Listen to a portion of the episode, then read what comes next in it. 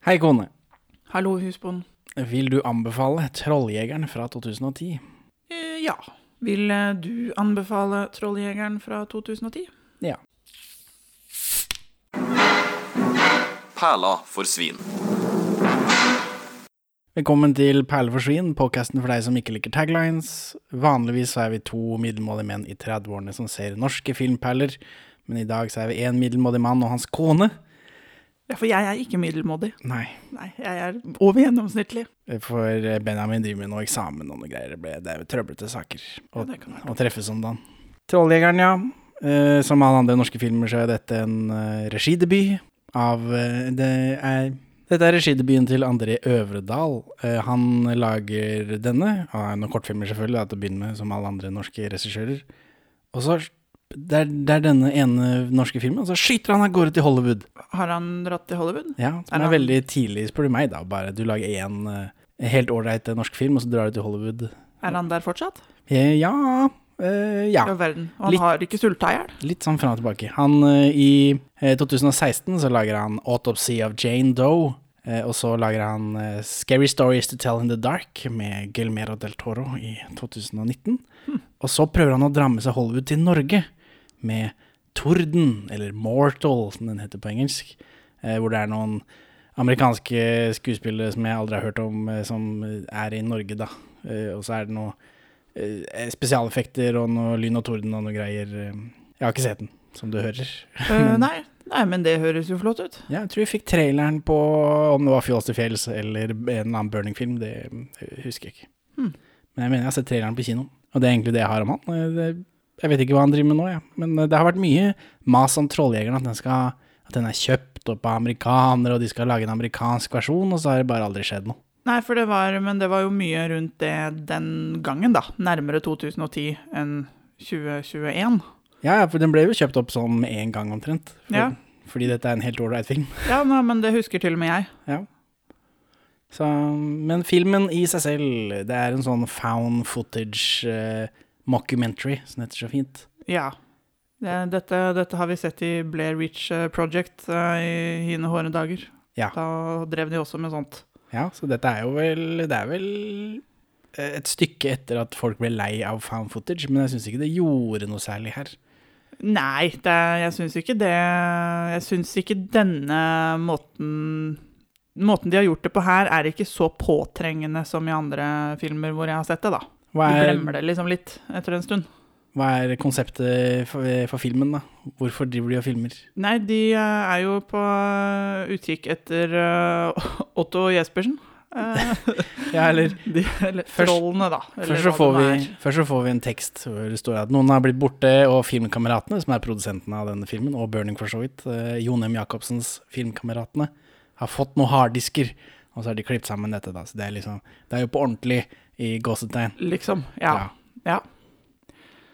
ja. Og så er det noen filmstudenter som eh, Fra Volda. Fra, Fra Høgskolen i Volda. Ja, for Ja. det er jo sånn journalisthøyskole. Det er jo for disse eh, Ja. De folka som ikke, ikke trenger å bruke penger for å komme inn på Westerdals, de er på Volda. Stemmer. Eh, Og de, for de driver og roter etter han Otto Jespersen, for de tror han er krypskyter på bjørn. Ja, de tror jo eh, at det ligger en historie der, i hvert fall. Og så er de veldig interessert i hva han eh, driver med. Ja, og Otto Jespersen er en eh, Ja, han er jo hovedrollen, mer eller mindre. Ja, det vil jeg jo si. Eh, Og han er også den eneste av disse hovedrollene som er noen. Disse studentene har ikke noe spesielt på rullebladet. Det er selvfølgelig noe Hotell Cæsar. Og noe greier, da. Jo da, men der har jo alle vært. Ja, ja, absolutt alle. Men ikke noe, ikke noe spennende. Hva kjenner du Otto Jespersen som? Hvem er han for deg, i ditt hode? Eh, Tårnfrid. Downs syndrom. Syns det er så fælt, jeg. Ja, jo, jo, det er jo ikke noe man kan noe for det, men det er jo Nei, det er jo ikke det, men de kunne jo holdt, holdt tungen inni munnen iallfall. Når de er på postkontoret og Så det. Han er tårnfrid, ja. Ja ja, han er Tårnfrid. Ja, ja, fordi det det har jeg tenkt på at nå han For meg, da, så eh, Han er kanskje mer en sånn sinna mann. Jeg ser, ser for meg at kanskje Vi er litt i brytningspunktet, for jeg husker Tårnfrid, men de som Si du er 25 i dag, da, så er han mer en sånn sinna mann som har lange monologer og er sinna. Jo da, det, det også, men uh, da er det ikke sånn at jeg, det umiddelbart uh, kommer en sånn rollefigur uh, med navn, i hvert fall, til meg. Sånn, så bortsett fra at han er en sånn en indignert fyr som prater lenge og hardt på TV, så er han Tårnfrid. Eh, ja, for jeg innbiller meg at folk som er ca. 25 eller sånt, kjenner han som en eh, sånn eh, sinna monologmann, men han er jo egentlig en, eh, en eh, parykk og løstenner-nisse. Det er jo det han liksom drev med. Ja, ja. Mm. Så det Bare om blod og, og Ja. Tårnfride og Birger og alt Ja, det greiene der. sånn. da jeg var Ja, da jeg var yngre, så var, det, så var han en sånn, en, eh, sånn type eh, moromann. Som var eh, spesialisert seg på det.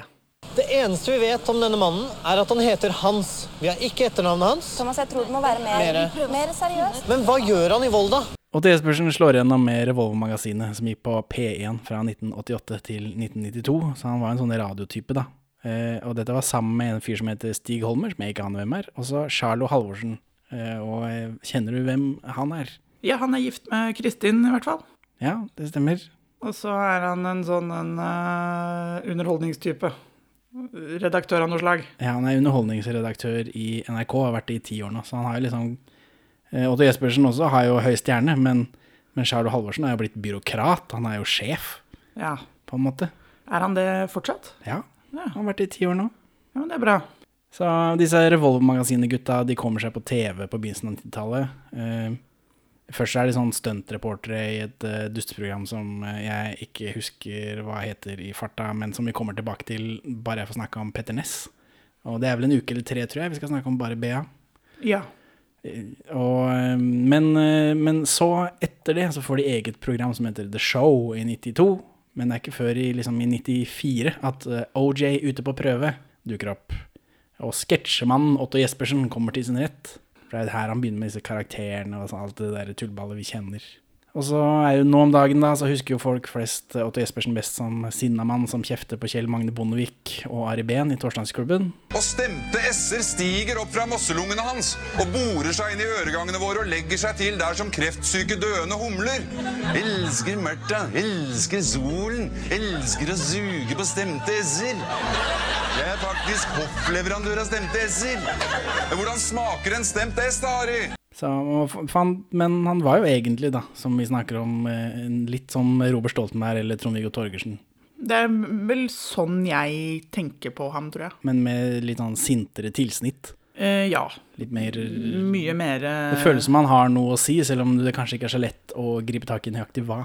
Ja, han er jo langt mer indignert Ja. enn de andre, i hvert fall. Fra 2002 til 2004 så er det Torsdagsklubben, da, hvor Otto Jespersen er fast paneldeltaker sammen med Thomas Giertsen, og hvor Silje Stang var programleder. Ja, hun, eh, hun hadde jeg nesten glemt, men hun eksisterte jo, ja. Ja, ja. Stemmer. Mm. Ja, disse avslutningsmonologene til Otto Jespersen laget mye oppstyr. Han brente det amerikanske flagget på et tidspunkt. Ja, gud hjelpe meg, det husker jeg også. Han fikk drapstrusler etter at eh, Kjell Magne Bondevik ble djupt såra og vondbråten av mobbingen hans. Ja, men det skal jo ikke så veldig mye til å gjøre Kjell Magne djupt såra og vondbråten, da, syns jeg. Nei, men det var ikke smooth uh, bruk av djupt såra og vondbråten når det var onkelen til Kjell Magne Bondevik som sa det, til å begynne med. Eh? Veldig, Eh? veldig bra. Og så hata han Ari Behn, da, i disse monolo monologene. Og det, det var jo helt greit uh, i en 25 år, men nå er det litt sånn u. Ja, ja, nå er det litt seint. Det vil jo si Ari Behn vant, på en måte, da. På sett og vis. Så kan vi jo slå fast eh, det, ja. Ja. Sitat eh, Ari fra bladet Mann i eh, 2015. Jeg lo jævlig godt av Otto Jespersens 'Jeg hater Ari Behn'-monolog, eh, men det var også startsignalet på en del ting. Jeg ble fullstendig rettsløs. Herlig. Ja, det er deilig. Så, så sånn er det, da. Det mm, er ikke bra å mobbe og så videre og så videre. Det er heller ikke noe lurt å ta livet av seg og så videre. Ring noen, alt det greiene der. Alt det der. Eh, Ja. Men, Ring nesten hvem som helst. men Otto har ikke Han har ikke fått noe pes for det, i hvert fall et, i ettertid av at Ari Behn tok livet av seg. Nei, men nå er ikke Otto Jespersen en som jeg tenker har utmerket seg som den eneste eller mest markante kritikeren. Nei, nei, altså Av, det Ari Behn. det var folkesport i 25 år i alle medier, og som Ja. dagen etter at han døde, så var han det fineste mennesket som noensinne hadde levd. Det, jo, så da bare da ja, glemmer vi det, at vi har plaga han i årevis, alle disse mediehusa. Helt riktig. Ja. Vel, veldig, veldig rart. Eh, ja, nei, jeg syns ikke det, for alternativet ville jo vært at alle i mediehusene også på en måte altså, tok konsekvensen av Ja, dette. ja, de gikk i seg selv og sa å, kanskje vi skulle gjøre om på noe greier. Helt riktig. Ja, Men har ikke det vært et bedre alternativ, da? Eh, det hadde nok vært et bedre alternativ kanskje for verden, men så skal de jo selge aviser og være ikke sant? akkurat så drittsekker at folk eh, gidder å kjøpe det og lese det og gasse i seg alt det her eh, oppgulpet deres. Og da må de på en måte bare late som at ikke de har eh, mobbet noen til døde. Men vi ser dere, mediehus. Ja, vi ser dere. Andre juledag, 2004. eh, Husker du det? Det var en tsunami. Det er helt riktig. Hei, poeng til meg! Yes. Eh, Otto Jespersen var i Thailand Uff a meg! da flodbølgen som drepte 285 000 mennesker eh, traff, eh, deriblant 84 nordmenn. Han var der med Henrik Mestad, som er han politimannen i Burning, og Bjarte Hjelmeland. Han er med i den Det eneste vi har sett han er med i, er vel den remaken av Fjols til fjells. Men han er jo også en sånn eh, revytype. Eh, Og alle var der med følge, da, selvfølgelig. Eh, Otto Jespersen var på den tida sammen med hun som er sjef i Standup Norge. Men disse, disse gikk det bra med.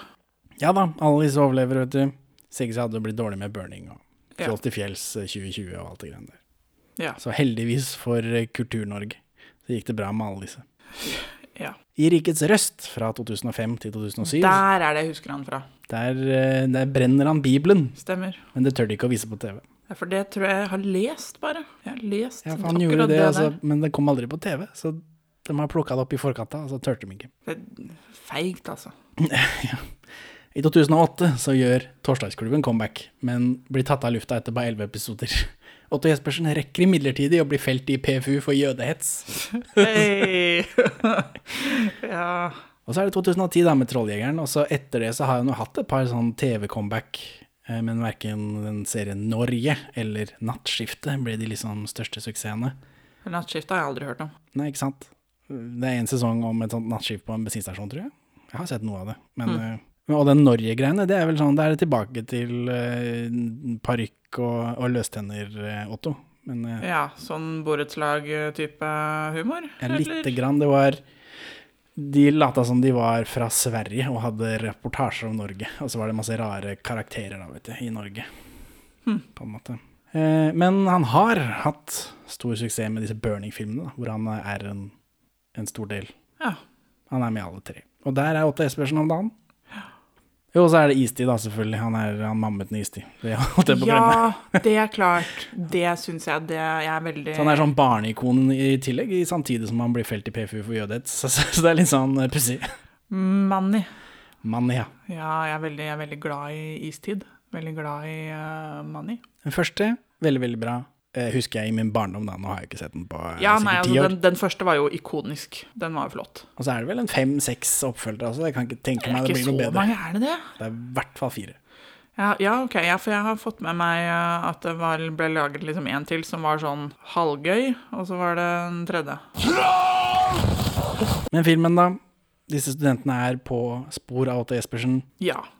Og de bare mistenker at han eh, driver med et eller annet som de syns er kjempeinteressant.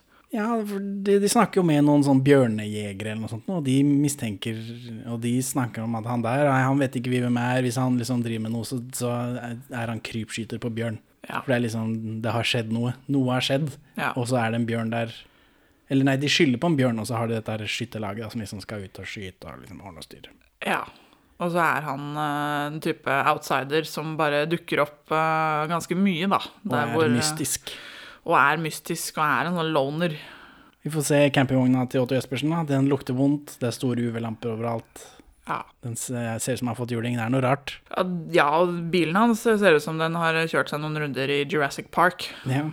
Og Otto Jespersen er veldig avvisende når de liksom treffer han studentene. Når de liksom Veldig. får tak i den. Og så er vi tilbake på dette stedet hvor noe har skjedd, og da er det skutt en bjørn, og så er det noen spor som er helt uh, tydelig juks. Og dette får vi bare Vi får presentert det bare. Det er ikke noe, disse studentene har ikke noe greie på bjørn. Nei da, de, eh, de er jo der og observerer og filmer, da, eh, nødvendigvis. Det er jo deres opptak, liksom, som vi får se hele tiden. Ja. Og så kommer det en fyr fra staten, og det er han ene fyren fra side om side, uten at jeg husker hva han heter. Elsker deg, Gullestad. Jeg elsker deg! Elsker deg òg. Han er nabo der et eller annet sted. Stemmer. Og han er helt overbevist om at det er riktig bjørn, ikke noe problem. Alt er i orden. Nå har vi liksom ordna det. Ja, han er jo veldig Han er jo en sånn en eh, feiekost som bare går og rydder og ordner. Ja, byråkrat, da. Ja. Og så er det noe kjøring, da. De driver og kjører etter Otto Jespersen. Det er mye norsk natur. fordi nå er jo dette den ene casen som det begynte med, den er løst. På, selv, på, selv om det er eh, helt åpenbart lureri eh, for oss som ser på, da, så er det jo løst. ja.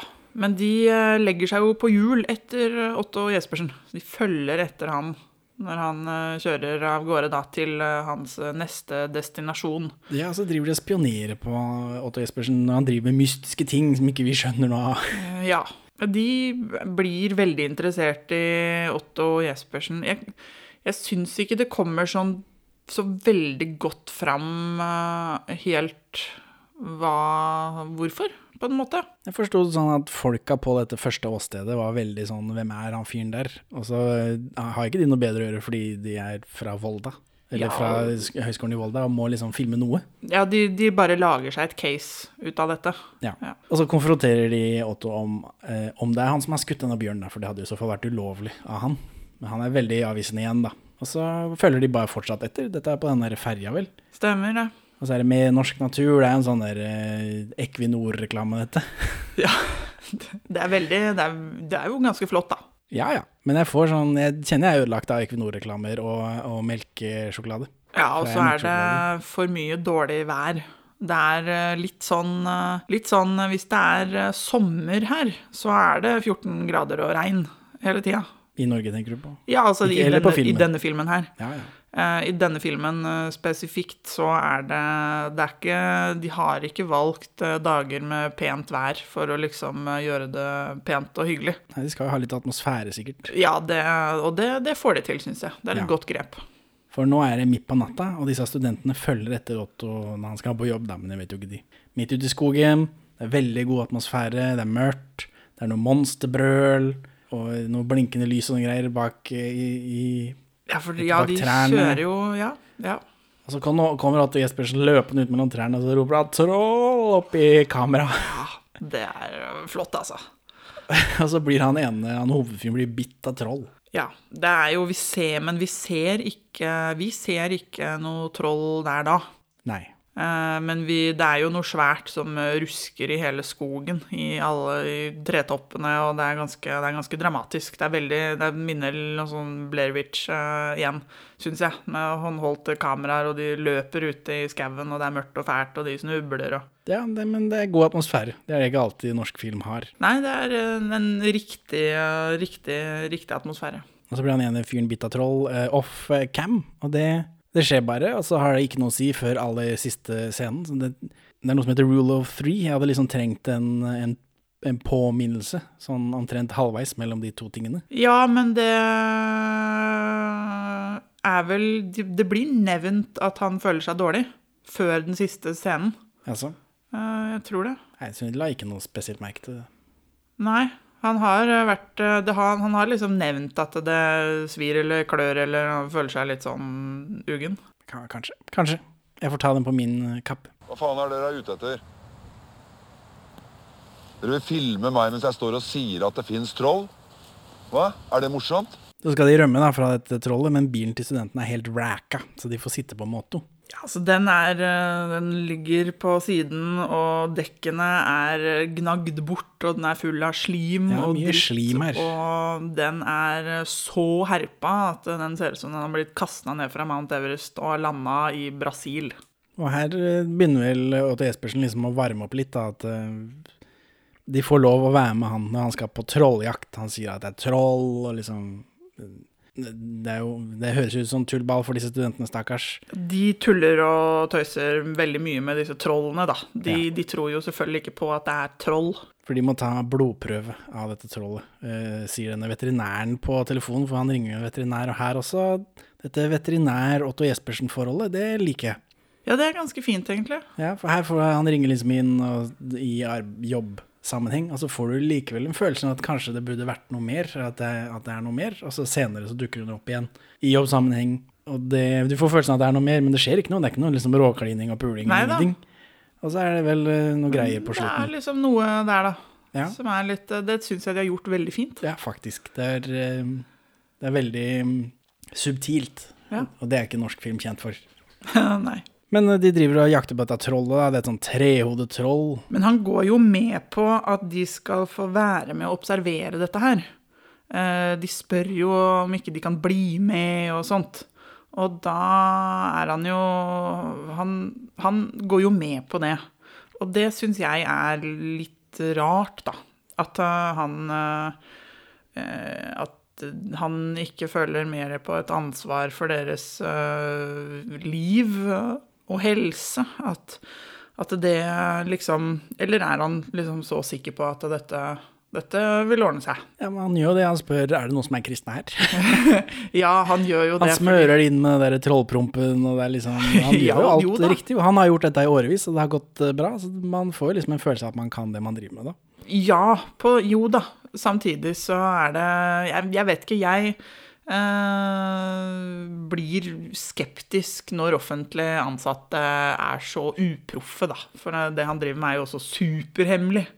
Så det er liksom eh, litt sånn Ja, jeg vet ikke. Hvis jeg hadde jobba nordpå og skulle jakte på russiske atomubåter, og noen ungdommer hadde lyst til å bli med og filme, så hadde jeg på en måte ikke bare tenkt ja ja, dere får bli med, da.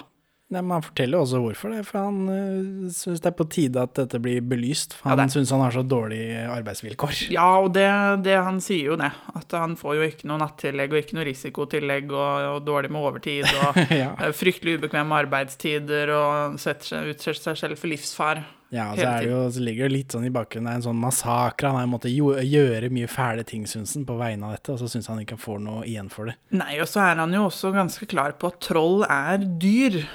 Og det er jo interessant, syns jeg. Men denne scenen her er vårt første møte med troll, hvor vi får se troll. For her igjen da, så er det veldig god stemning, de roter mye rundt, eh, vi får litt sånn night vision, og så kommer det et sånt trehoda troll, og det er veldig, det er veldig, veldig bra. Veldig bra, syns jeg. Og, så, er Enig. og så løper de rundt der og roter selvfølgelig, for å shit, her er det faen meg troll. Og så, og så kommer Otto Jespersen synger ja, ja, ja, boff. og så blaster han trollet med lys, og da blir det til sten. Ja, for dette her er jo troll som vi kjenner dem fra eventyrene. Eh, de sprekker i sola, Ja, Otto eller i Jespersen er jo uenig, da. Ja, sånn jo, men litt. Men det er jo De lukter jo kristenmannsblod, og de eh, blir til stein eh, hvis han Han har jo sånne noen sånne megasvære UV-lamper, og det er noe voldsomme greier og blitsgreier, da. Sånn at uh, selv om de er dyr, og vi får en sånn veterinærmedisinsk forklaring senere i filmen på hva som skjer på liksom cellenivå i disse uh, stakkars uh, trollkroppene, så er det jo liksom de, gøy at de sprekker i sola. Eller blir til stein. Ja, men det kommer jo fra et eller annet sted, alle disse eventyrene, vet du. Ja, det gjør det. Men her er alle veldig, veldig glad fordi troll eksisterer. For disse studentene trodde jo bare de skulle følge en raring og se hva han driver med, denne raringen her. Ja. Og så er det troll og greier, og de har liksom eh, oppdaget noe stort. Jo, men det, sånn hadde de det jo på Jurassic Park også, når de oppdaget at eh, det, det kunne eksistere dinosaurer. Så dette tror jeg ligger litt sånn i oss, da. At vi, vi søker det der mytiske, rare. Det er alt det mystiske som ikke vi nødvendigvis har eller kan stadfeste at eksisterer. Blir vi jo veldig glad når det er eh, på ordentlig. I hvert fall når du er en fyr der som tilsynelatende vet hva han driver med, da. Så man ikke bare møter dem i skogen, disse trollene, og blir spist. For det har jo også skjedd. Eh, Ja, det er jo noe av problemet her, at det er en del sånn tyske turister og sånt som blir borte. Ja. ja, de blir jo nødvendigvis spist, de, da. Ja, men så er det en av disse studentene som er kristne, og det er ikke bra. Han vil ikke si det til Otto Jespersen, for da får han ikke lov å være med. Nei, det skjønner vi jo. Og det, det er også et artig grep, syns jeg. Men det er vel han som blir uh, gnafsa litt på, er det ikke det? Nei, det er han som holder kamera, du ser han nesten aldri. Nei, ja, han som, uh, han som uh, sier at han tror ikke på Gud, men han var med på TenSing når han var liten. Ja, det er han foran kamera, tror jeg. Han på TenSing. Ja, han på TenSing, ja, det var Ja. Mm. Men han bak kamera, han er dessverre kristen. Ja, det, det er jo ikke bra når han skal drive med troll. Det er her da at Otto forklarer at han er misfornøyd med arbeidsvilkårene og sånt nå. Og så eh, de, eh, de bare hakker opp dette eh, trollet til pukk, sprenger det med svære matter og greier. Stemmer. Og så kommer han fyren fra, fra Viltilsynet, han fra Side om side. Og så ringer han et polsk maler, malerfirma, så han kommer med en død bjørn. ja. For å dekke over, da. For det er jo det er gått noen sau og det er Jeg husker ikke akkurat hva casen er her. Men Nei, men de må i hvert fall få det til å se ut som om det er bjørneangrep. ja. Og så må de legge en død bjørn der for å roe lokalbefolkningen. Og hvem er, denne, hvem er som spiller denne polakken, da? Eh, Robert Stoltenberg. Oh yeah, Robert Stoltenberg. Uh, ja. I, så, I polsk face, men det er lov. Uh, ja, det er vel kanskje det? Jeg vet ikke, Han har gjort så mye blackface at det må jo være lov med litt uh, polsk face. Ja, det er vel sikkert bedre, i hvert fall. Han, i, eh, nå driver jeg og ser uh, Midt i smørøyet fra 1996. Hvis dere går på Twitter, perler understrek for understrek svin, så får dere se daglig bilder fra Midt i smørøyet 1996. og der er Robert Stoltenberg er med. Han, han spiller en pakistaner som heter Paco. eh, og i flere sketsjer som ikke er bra. Er, Midt i smørøyet har jo temaer, og et av de temaene er flukt og flyktninger. Og da er det en sånn sketsj da hvor Paco må gå i kirkeasyl, og alle disse Paco-sketsjene går på sang. Så det er jo litt uh, Nei, ikke bra. Uh, ikke bra. Vår stakkars Paco er jaget på flukt. Oppholdstillatelsen den har gått ut. Ja, stakkars Paco er blitt et krapyl. Han søker tilflukt i kirkeasyl.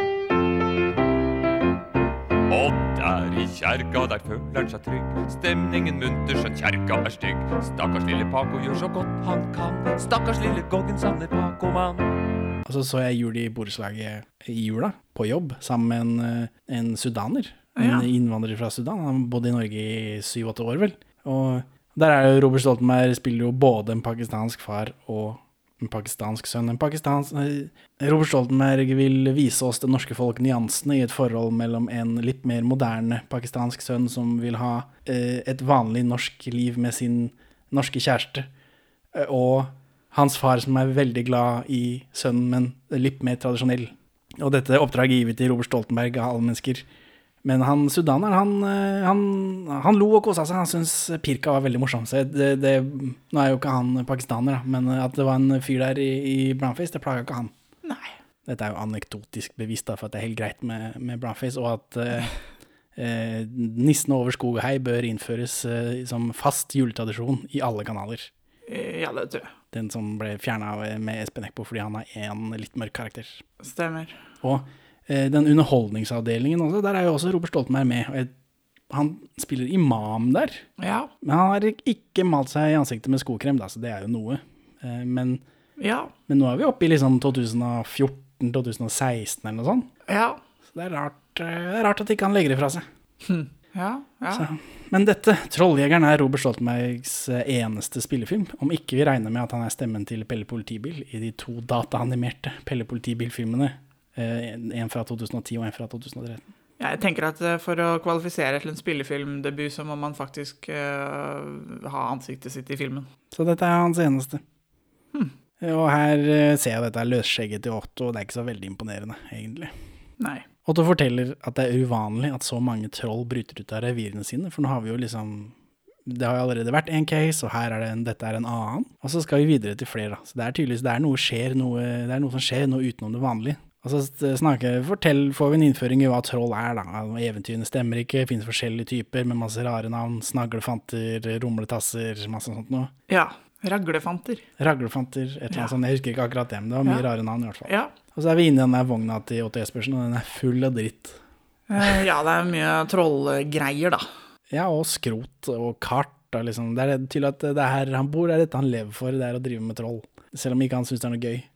Han eh, forklarer jo også at han eh, arbeider for TST, Trollsikkerhetstjenesten. Ja. Eh, altså, det er en det, det er Det er en egen etat. Det er norsk eh, statlig forvaltning av trollbestanden i Norge. Jeg syns det er litt rart at de kan ha en hel eh, etat, altså en kjempestor da, forvaltning med masse byråkrati, går jeg ut ifra, eh, og samtidig ha dette enorme hemmelighetskremeriet, da.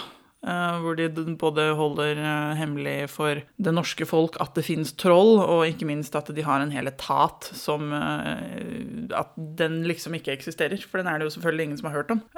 I Norge, som er verdens mest gjennomsiktige land, hvor hvis du er partileder, så kan du ikke sette opp en garasje engang og ikke få kvittering på det, for da, bare, da må du bare skamme deg til evig tid. Ja, men det er forskjell på korrupsjon og ting som er hemmelig. Ja, ja men likevel, jeg mener altså det Som Parallellen her er at er så, er, vi er så gjennomsiktige, da. Vi vet, vi ser liksom alt. Som vernepliktig så ble jeg klarert strengt hemmelig i militæret. Det er liksom det, det, Du trenger ikke å ha noe hva, Hvilke kvalifikasjoner hadde jeg som vernepliktig, da?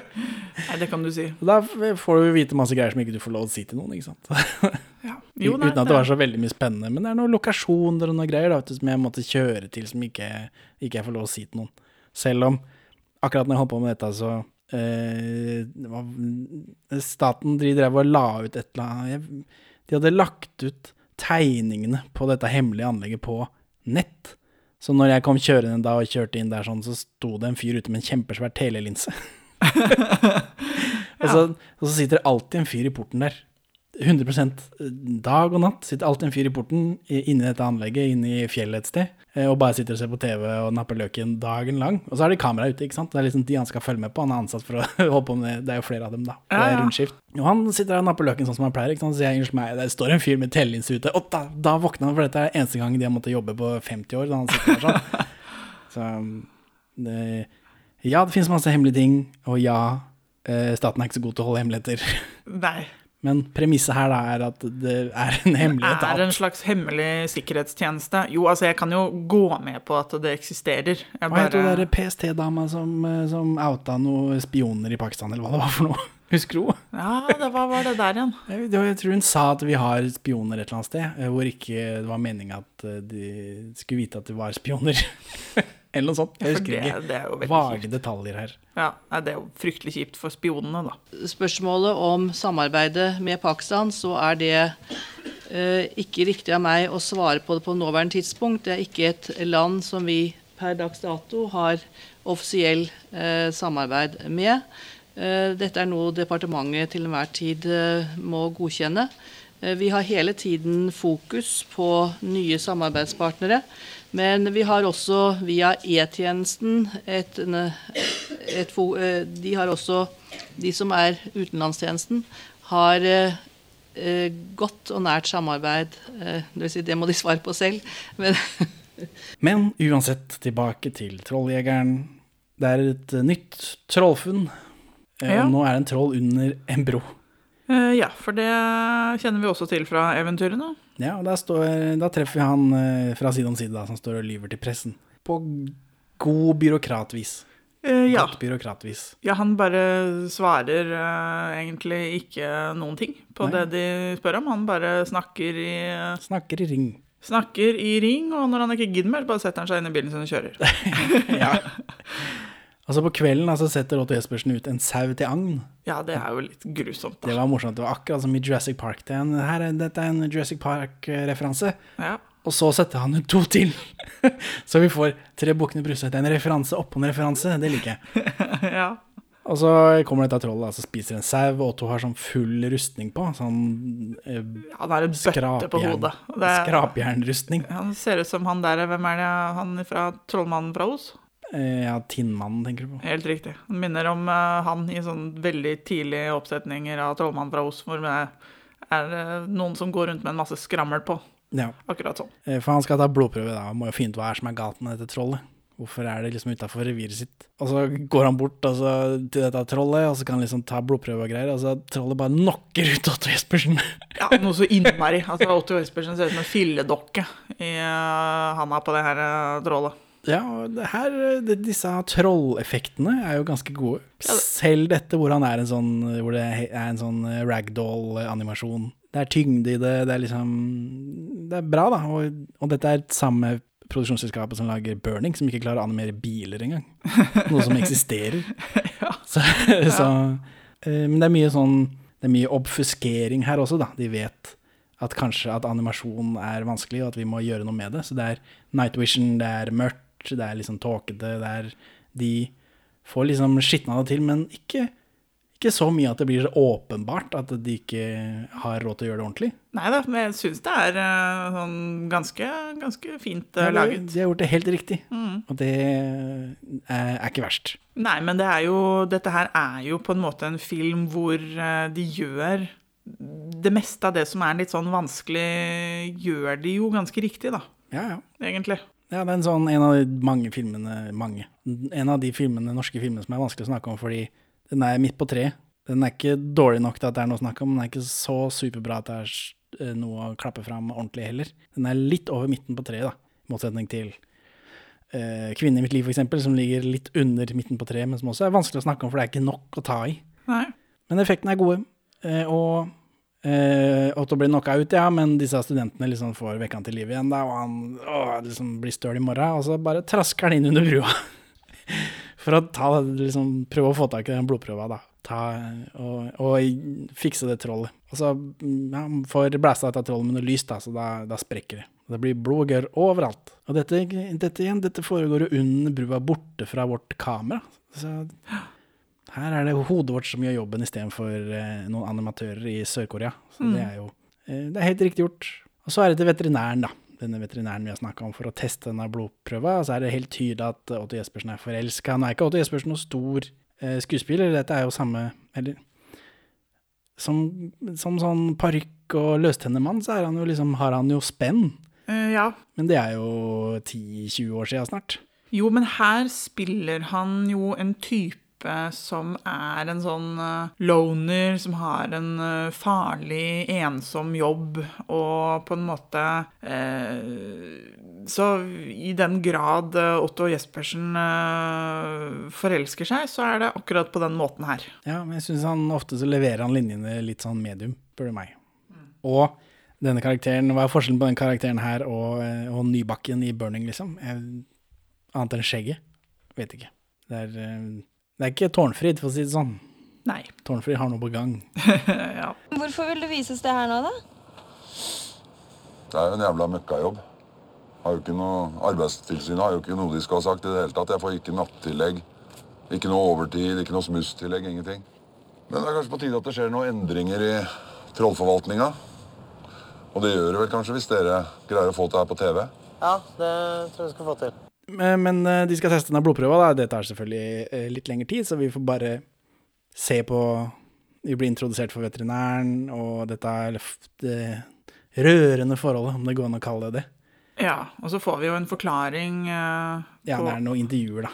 Ja, de får jo intervjue henne. Og hun er jo veldig usikker på om eh, det på en måte er greit, for hun er jo også klar over at det hun eh, driver med, er strengt hemmelig. Eh, hvor jeg bare igjen må stille spørsmål ved hvorfor troll må være hemmelig når de er rovdyr. Det er jo ikke hemmelig at vi har jerv og gaupe og ulv og bjørn i Norge. Så akkurat det at troll må være hemmelig eh, Jeg kommer ikke helt over det, da. Når de, De er har jo kjempestore, noen av dem. Eh, De er hvor som helst, og de kan jo gjøre enormt med skade. Ja, men Og så er da de liksom- mytologiske. Ja, men ulv og rev og sånt er jo også mytologisk. Men vampyr, da? Tenk Jo, jo, om du men- fikk vite at det var masse vampyrer overalt. Klart det har blitt full panikk. Ja, kanskje. Men hadde vi ikke bare på en måte alltid visst det? Sånn som vi nå alltid har visst at det er jo ulv og rev, og, men det er jo liksom Rødhette og ulven. Altså, vi lager jo uh, mytiske Vi lager jo på en måte myter og eventyr rundt de andre rovdyrene våre. Uh, og de trebukkene Bruse og alle disse som uh, Alle disse eventyrdyrene, da. Så at ikke troll på en måte har funnet en naturlig plass i den eh, norske faunaen og bevisstheten, det er rart, for hun kan jo ikke være den eneste veterinæren i Norge som vet om dette her. Nei, men det er strengt hemmelig, da. Ja. Ja, ja. Og når vi skrur av den filmen her, så vet jo du, så tror du og jeg at eh, troll ikke fins på ordentlig. Mens dette er jo en dokumentar som viser at eh, den fins på ordentlig, så det må jo være, det er grunnlaget for filmen, på en måte. Du Ja. kommer liksom ikke unna det. Nei, nei, nei. nei da. Det er, et, det er et artig konsept, da. Hvor mange typer troll finnes det egentlig? Det var jo to hovedgrupper her, bergtroll og skogsroll. Og så har du ja, undergrupper, så er det vel raglepant, tusselabb, limtusse. Overgrupper her, ja. Eh, jo, for hun, eh, veterinæren forklarer at de, de har så mye kalsium i seg, og når de får lys på seg, så blir de til stein, eller så eser de ut og sprekker. Ja. Du Får den veterinærmedisinske forklaringen på det som ligger bak akkurat det der. der. ja. Vi får ikke vite hvordan de kan lukte kristenmanns blod, da, for det syns jeg hadde vært på en måte eh, Når de har sånne neser. Samtidig så har vi hunder som kan lukte kreft og kokain eh, i nabofylket. Sånn at eh, jo, det kan vel tenkes at Ja. de har utvikla en nese som kan lukte kristenmanns blod. ja, hvorfor ikke? Ja, hvorfor ikke? Eh, Og her, nå, etter den scenen her, så får vi sånn eh, dagligdags eh, trolljegerliv, hvor de bare kjører rundt og leter etter troll som er ute av reviret. Ja. De ser på mm, steiner og markører, og liksom Otto Espersen har mm, Han er god i jobben sin, liksom. Han har holdt på lenge. Ja, han har et system, og han har metoder for å på en måte overvåke, da. Eller følge med på bestanden og passe på dette her. Ja, og den sekvensen her er jo også mest bare norgesreklame, egentlig. Men det er jo veldig flott, da. Ja, ja. Men Men ja, jeg er enig. Det er, eh, og dette er et litt langt parti med kjøring, Ja. syns jeg. Litt. Ja, og liksom, ja, se på det bildekket her, det ligger her ennå, ja. Jaha, kjører videre. Ja, Ja, men her det er det også steiner, sånn- steiner ligger der, ja. Jaha, Ja. så kjører de videre. Og så bruker han lokkemat. Uh, for stein og grillkøl og bildekk, for det er liksom det beste de vet. Uh, jeg skjønner ikke da hvorfor de også liker sau. For sauer Vi spiser jo sauer, men vi spiser det De har en ganske allsidig diett, da. Ja, Disse det må jo variere litt. Ja. Det er lettere å få tak i sau enn det er å få tak i bildekk, tydeligvis. Ja, ja, jo, kanskje. Lett- Bildekk står jo lettere å få tak i turister. Ja, turister må jo være det beste. Og nå, eh, neste nå er en bonde som tror det har vært en tornado på jorda hans, for det har han fyren fra side om side sagt. ja.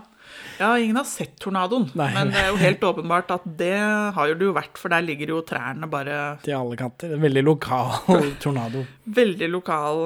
En sånn skypumpe har liksom bare blæsta gjennom en masse trær akkurat der. Ja, men Otto Jespersen vet bedre, så eh, når det blir natt, så går de inn i en nedlagt gruve. Og kameramannen er ekstra nervøs, for vi forstår jo da at han er kristen. Uff, Ja, stakkars. Og så er det på med night vision, da. Alt er grønt, og så kommer det masse troll inn i hula. Og de, eh, disse kamerafolka de løper og gjemmer seg, sammen med Otto Jespersen, da. Inni i sånn Inni hula, da. Liksom enda lenger inn i hula. Og så alle trollene kommer inn, og så legger de seg for å sove, og så er det en sånn prompehumor. Det er en troll, et troll som legger seg foran utgangen, eller foran den hulen der hvor Otto Jespersen og kamerafolka sitter, og så promper han skikkelig. Ja. Og han Kristmann-fyren han smører seg inn med den der trollklumpen så mye han kan, helt til den trollklumpen blir borte i løpet av natta. Han blir bare mer og mer nervøs, mens eh, Otto Jespersen han bare sover. For han vet at det her er ikke noe å gjøre, jeg må bare vente til i morgen. ja, rett og slett. Så det, han er ekspert, ikke sant? Han har gjort dette 100 000 ganger. Og her da kommer det fram at kameramannen er kristen. Og da blir det liksom full krise. Han er tom for en trollklumpen, og liksom han er kristen, og liksom krise. Ja, for de har jo sånne klumper med sånn trollessens som de driver og smører seg greier inn da, med. som de må smøre seg inn med. Ja. Og da blir det full kaos, selvfølgelig, og så rømmer de, og så blir han kameramannen blir spist av trollet. Faktisk. Han, ja, han, han dør. Ja, og igjen da, så løser de dette med at det er jo kameramannen som blir spist, så du får bare se kameraet som løfter seg opp. Det er jo kjempeflott. Ja. Billig. Ja. Det, er- det er, det Må ha er en flott. lift, bare. Ja. ja. Og da klikker selvfølgelig for disse andre studentene, når de kommer ut der, riktignok. De kommer jo ut av hula uten kameramann. Han er jo ikke med, så de skjønner jo at eh, han ble tatt. Ja. Uh, dette får vi jo vite fordi det kameraet finner de dagen etterpå, eller noe sånt, og så får de skrudd det på, vel. Ja.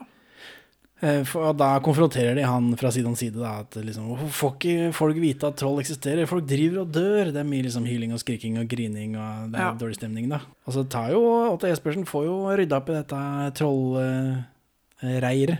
Blæster dem i stykker, alle sammen. Og igjen så får vi ikke se det, da, fordi kameraet er jo, han kameramannen er jo død, så det kameraet ligger på utsida. Og så får vi liksom det starter bare når de skrur det på, og så er det litt sånn Ja. Det er eh, godt gjort. Mm. Så får de ny kamerakvinne, og hun er muslim, så da er det ikke noe problem. Nei, det, derfor for det må de forsikre seg om. De må forsikre seg om at hun ikke er kristen. Og hun bare Nei, nei, for du er muslim, eller? Ja, liksom. Ja, for de har spesialbestilt Ja, og, det, muslimsk de, ja, og da spør de, spør de Otto Jespersen eh, det går vel bra, vel? Og han eh, Nei, men om han veit. Det, det Nei, du vet ikke. Nei, Hva er forskjellen, egentlig? Nei, det, nei, hva er forskjellen? Hvis man er religiøs, liksom? Ja, det er samme gud, på en måte. Ja. Er, man, eh, er det noe spesifikt med det kristenmannsblodet i norsk kristenmannsblod? Jeg vet ikke, Er det noe tro? spesifikt i Jesus-troere? Kanskje det er det? For jøder også, er jo, det må jo være lov. Eller greit, da. Ja. De kommer seg unna trolla. Ja. Kanskje. Det får vi ikke vite i den filmen her. Det blir noe for oppfølgerne, antar jeg. Ja. Et sånt lag med, med, med jøder som skal finne ut ja. Men hvor er det høyspent eh, Hvor går høyspent? Den går her, så nordover i en sløyfe, ned her og sånn. Så de går i ring? eller? Ja, de går i ring. Det, det stemmer. Syns du ikke det er litt rart? Eh, Jo, litt kanskje. Eh, Det fins Ja, jo, jo, det er rart. Det er rart. Strømmen går ingen steds? Nei. Du ser jo, jo, den går rundt. Og det er jo i et naturskjønt område. Ja, og, eh, og nå drar vi og besøker Knut Nærum. Knut Nærum er nydelig i denne filmen. Jeg, altså det har festet seg eh, hos meg, for jeg har jo sett denne filmen på kino i 2010. Og dette er jo en av mine favorittbiter av eh, filmen. Dette er, eh, det er Knut Nærums eh, opptreden. Han er super. Jeg syns han er flott i denne, denne filmen, denne scenen. Han er jo veldig naturlig, om, eh, er merkelig nok. Han som er så stiv og rar vanligvis. Jo, men jeg syns han eh, Han er seg sjæl, liksom. Hva er det han spiller for noe, da? Hva er det han gjør for noe? Nei, han er jo en sånn en øh, oppassertype til uh, på en sånn strømforsyningsgreie. Så de har sånne kjempesvære strømmaster som uh, går rundt i ring. Som vi, vi skjønner jo at dette her er et helt enormt uh, strømgjerde. For svære troll. For veldig svære troll. Eh, og Knut Nærum, som jobber der og passer på at strømmen går hele tiden, han skjønner det ikke. Nei, Han vet men- ikke hva han driver med. Nei, men han forklarer det med den største selvfølgelighet. Det Ja, syns ja. jeg er morsomt. Ja, og det fordi han blir jo på en måte litt sånn De stiller jo litt spørsmål ved hva denne strømmen er til. Ja, hvor går den strømmen, da? Nei, den, går jo den rundt, går rundt. Ja, den går jo rundt, Den går da. rundt der, da. Ja, Og så sier jeg men den går jo ikke noe sted. Jo, den går rundt. og det, det syns jeg er flott. Ja, det er morsomt. Dette er Knut eh, Nærums spillefilmsdebut, forresten. Så Ja. vet, vet. Har han spilt i flere spillefilmer siden den gang? Jeg tror det er en som er på trappene, som i hvert fall er basert på en av disse bøkene hans. 'Døde menn står ikke på ski', eller et eller annet sånt noe. Um, Ja. Jeg lurer på om ikke han er med litt der, men det husker jeg ikke i farta. Men jeg har bare skrevet at det er hans debut, så jeg regner med det er flere spillefilmer. Jeg bare tenker på, Nå er vi jo i, eh, i et revir. Og og når du snakket med Finn, så fikk jeg inntrykk av at du vanligvis ikke ønsker å gå inn i revir. Er det noen spesiell grunn til det, eller? Det var jo et uh, bergtrollrevir oppe i Strynefjell. Og på 70-tallet så bestemte de seg for å bygge tunneler i det området der. var det krydd av bergtroll. Jeg og TST prøvde å protestere og få stoppa det, men det nytta ikke. Så da ble det min sure oppgave da, å gå inn i reviret og ja, utrydde alle trolla som var der. Alt som var. Gravide hunder og unger og til og med helt nyfødte som ikke kunne gå engang. Så det ble jo en jævla massakre, rett og slett. Og så er det dette Otto forteller, da, om denne trollmassakren han måtte utføre på 70-tallet, som gikk inn på han. Ja, hvor han måtte ta alle trollene, unge og gamle og nyfødte, og han, han forteller jo med innlevelse hvordan det liksom eh, Han syntes det var grusomt. Ja, for det har jo gått inn på han. Han måtte gjøre mye fæle greier i, i Ja. kongens navn. Ja, og det er jo litt sånn eh, Dette er jo litt sånn rovdyrforvaltning, da. For det, da må man jo plutselig flytte på store flokker og det ene med det andre fordi noen skal bygge en tunnel eller en jernbane eller et av- alt av vassdrag. Så det Ja. Nei, det er, ligger litt sånn kritikk eh, her, syns jeg. Og nå begynner han studenten som ble bitt, da, å få problemer. Han får feber og liksom skjelver. eh. Og da ringer veterinærene, ringer, da, for den prøva er klar, og hun forteller at trollet har eh, rabies. Så disse trollene har rabies, og da har jo den studenten det også. Ja, han har jo blitt bitt av det trollet med rabies. Så, Og da bare Hæ, har jeg rabies? Ja, det går ikke an. Ja. Det, det gjør det. Så Otto kjører fra studentene, og så lokker han et kjempetroll liksom bort fra dem, for nå er de innafor den der strømgjerdet. Ja, nå er det snø og dritt, og de er oppe på vidda et eller annet fælt sted. Innafor disse kjempesvære monstermastene. Ja, og der kommer det et sånt kjempe, et enormt troll. En jotne. Som liksom er de største og, og verste, da. Den har tydeligvis rabies. Og så eh, Otto Jespersen har en sånn kjempe lyskanon på taket av bilen. Mm. Så han kjører bort til trollet med lyskanonen, krabber opp på taket og blæster den med det. Da. Men dette får vi se langt, langt borte. Så det, og det, det ser kjempekult ut. Og så kjører han tilbake, og da henter han disse studentene. Og det trollet kommer etter, fordi lyskanonen gjorde liksom ikke eh, susen. Nei, den var vel for liten, eller noe sånt noe. Ja, eller, Og så har han litt problemer med strømmen til bilen sin. ja, eller strømmen til den lyskanonen. Han har jo masse bilbatterier baki. Ja. ja. Og så, og så nå kommer det en sånn biljakt hvor dette trollet liksom er etter dem, og de kjører. Altså, midt oppi dette her så stopper de for å plukke opp en fyr. Hvem var det? Hva var det? Det fikk jeg ikke med meg. Var det bare en tilfeldig sånn turist? Vi vet ikke, vi får ikke noe svar på hvem han var. Nei, for de bråstopper, og så plukker de han opp, og så tror jeg ikke han presenterer seg noe særlig, for det er liksom full panikk. Det er troll og greier. Det er troll og greier. Det er veldig troll. Og den eh, scenen hvor de kjører hvor de kjører uh, av gårde, og trollet på en måte går med disse enorme bena på hver side av dem, Uh, ser akkurat ut som åpningsscenen i uh, The Lion King, Løvenes konge. Der har du sånne små fugler som løper, og små dyr som løper imellom, og så har du disse svære elefantene som vagrer av gårde. Og du ser at det er liksom på nippet at ikke de blir tråkka på hver gang. Ja, ja. Så det, det syns jeg var fint.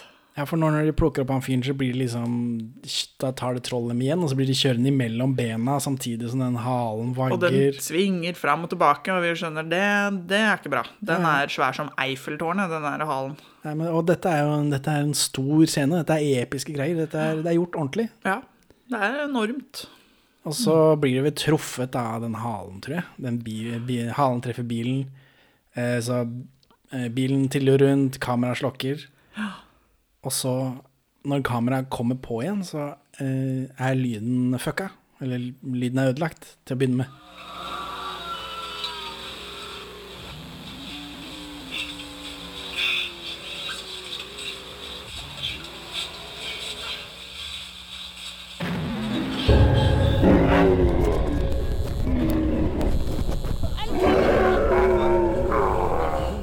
Det, er veldig veldig effektivt, for nå er det liksom Å, shit, det er fullt kaos. Han uh, turistfyren han ser vi aldri igjen. Ser om han er død i bilen, eller hva? Jeg skjønte ikke, jeg skjønte ikke hva poenget med han var i det hele tatt. Nei, og så er det et usannsynlig sted å bare være fotturist. For Jeg vet ikke, eh, Folk går jo fra sånn hytte til hytte. De har jo sånn trollsikkerhetstjenestehytter rundt omkring. de har TST-hytter. ja. ja.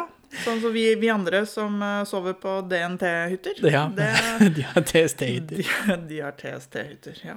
Så om dette trollet står eh, og bærer seg da, et stykke borte. Ja, for det har jo tatt skade av eh, denne lysblastingen, selv om det ikke umiddelbart eh, ble til stein. Nei. Og Otto forklarer at han skal bort og gi den nådestøtet, så tar han den der håndholdte blasteren som han har brukt tidligere i filmen. Den er jo på størrelse med en bazooka, da, må man si. Ja, ja. Den det er jo en lampe, liksom. da, men den, er, men den er håndholdt, i motsetning til den som sto på bilen. Ja. Så han liksom, vi ser jo at han blir, går bort, og så skyter han, og da blir trollet til sten, og det knuser. Og så vandrer Otto Jespersen inn i solnedgangen. med den der blasteren på ryggen, og det er et kult bilde. Det er liksom, det er svære greier, dette. Den scenen her er veldig Det er mye av dette som er bra. Den scenen her best. Eh, Så han går bare bort i solnedgangen, og så ser vi ikke noe mer til han. Nei, han blir jo bare borte. Han roper vel noe sånt, jeg håper dere har, eller han sier vel 'jeg håper dere har fått det dere trenger'. Ja, og så har han jo på en måte forklart dem at hvis de bare jogger ned den veien der, så kommer dere til E6. Ja. For de er jo i Norge fortsatt. Det Ja, ja. er jo bare Ja, E6 er liksom overalt. Bare du går langt nok. Så disse studentene går mot E6 da, og da kommer disse viltilsynet folka. Ja. og de er sånn MI6-folk. De Da- kommer for å ta dem, liksom. Ja, for nå er det ikke Nå er det liksom ikke greit eh, med noe lenger, men de har jo tidligere, i, fra liksom midten av filmen og utover, så har de vært veldig lite fornøyd med at uh, filmstudentene fra Volda har vært rundt og filmet, for da er det sånn der skru av det kameraet, og skal ha de opptakene og bla, bla, bla, og dette får dere ikke fly rundt med, liksom. Nei, nei. Så nå skjønner vi at uh, nå, er, nå er det skikkelig dårlig stemning. Ja, så disse studentene løper til skogs da, med filmene. Ja. Og, og ja, kameraet svinger rundt, og så boop, slutt. Så Ja. da kan vi jo bare anta da at de har fått gjemt disse filmene, og eventuelt henta dem senere, eller noen har funnet dem, og så sendt det til Jon M. Jacobsen, da, så han kan lage film av det. De, jo, de, ja, de kommer seg ut på E6 og begynner å haike og flagge ned en trailer, og så er filmen slutt. Mm. Og da er det ikke mer opptak. Nei, og da kommer det en sluttekst hvor det står liksom at studentene er borte. Eh, Om noen har opplysninger, så si fra til filmkameratene eller nærmeste politietat eller noe sånt noe. Ja, så Morsomt. det har jo gått dem riktig ille. Ja ja, tydeligvis. Det er jo, de tuller ikke med, med staten. Nei. Men så etter det så kommer det en liten greie med Jens Stoltenberg. Stemmer det.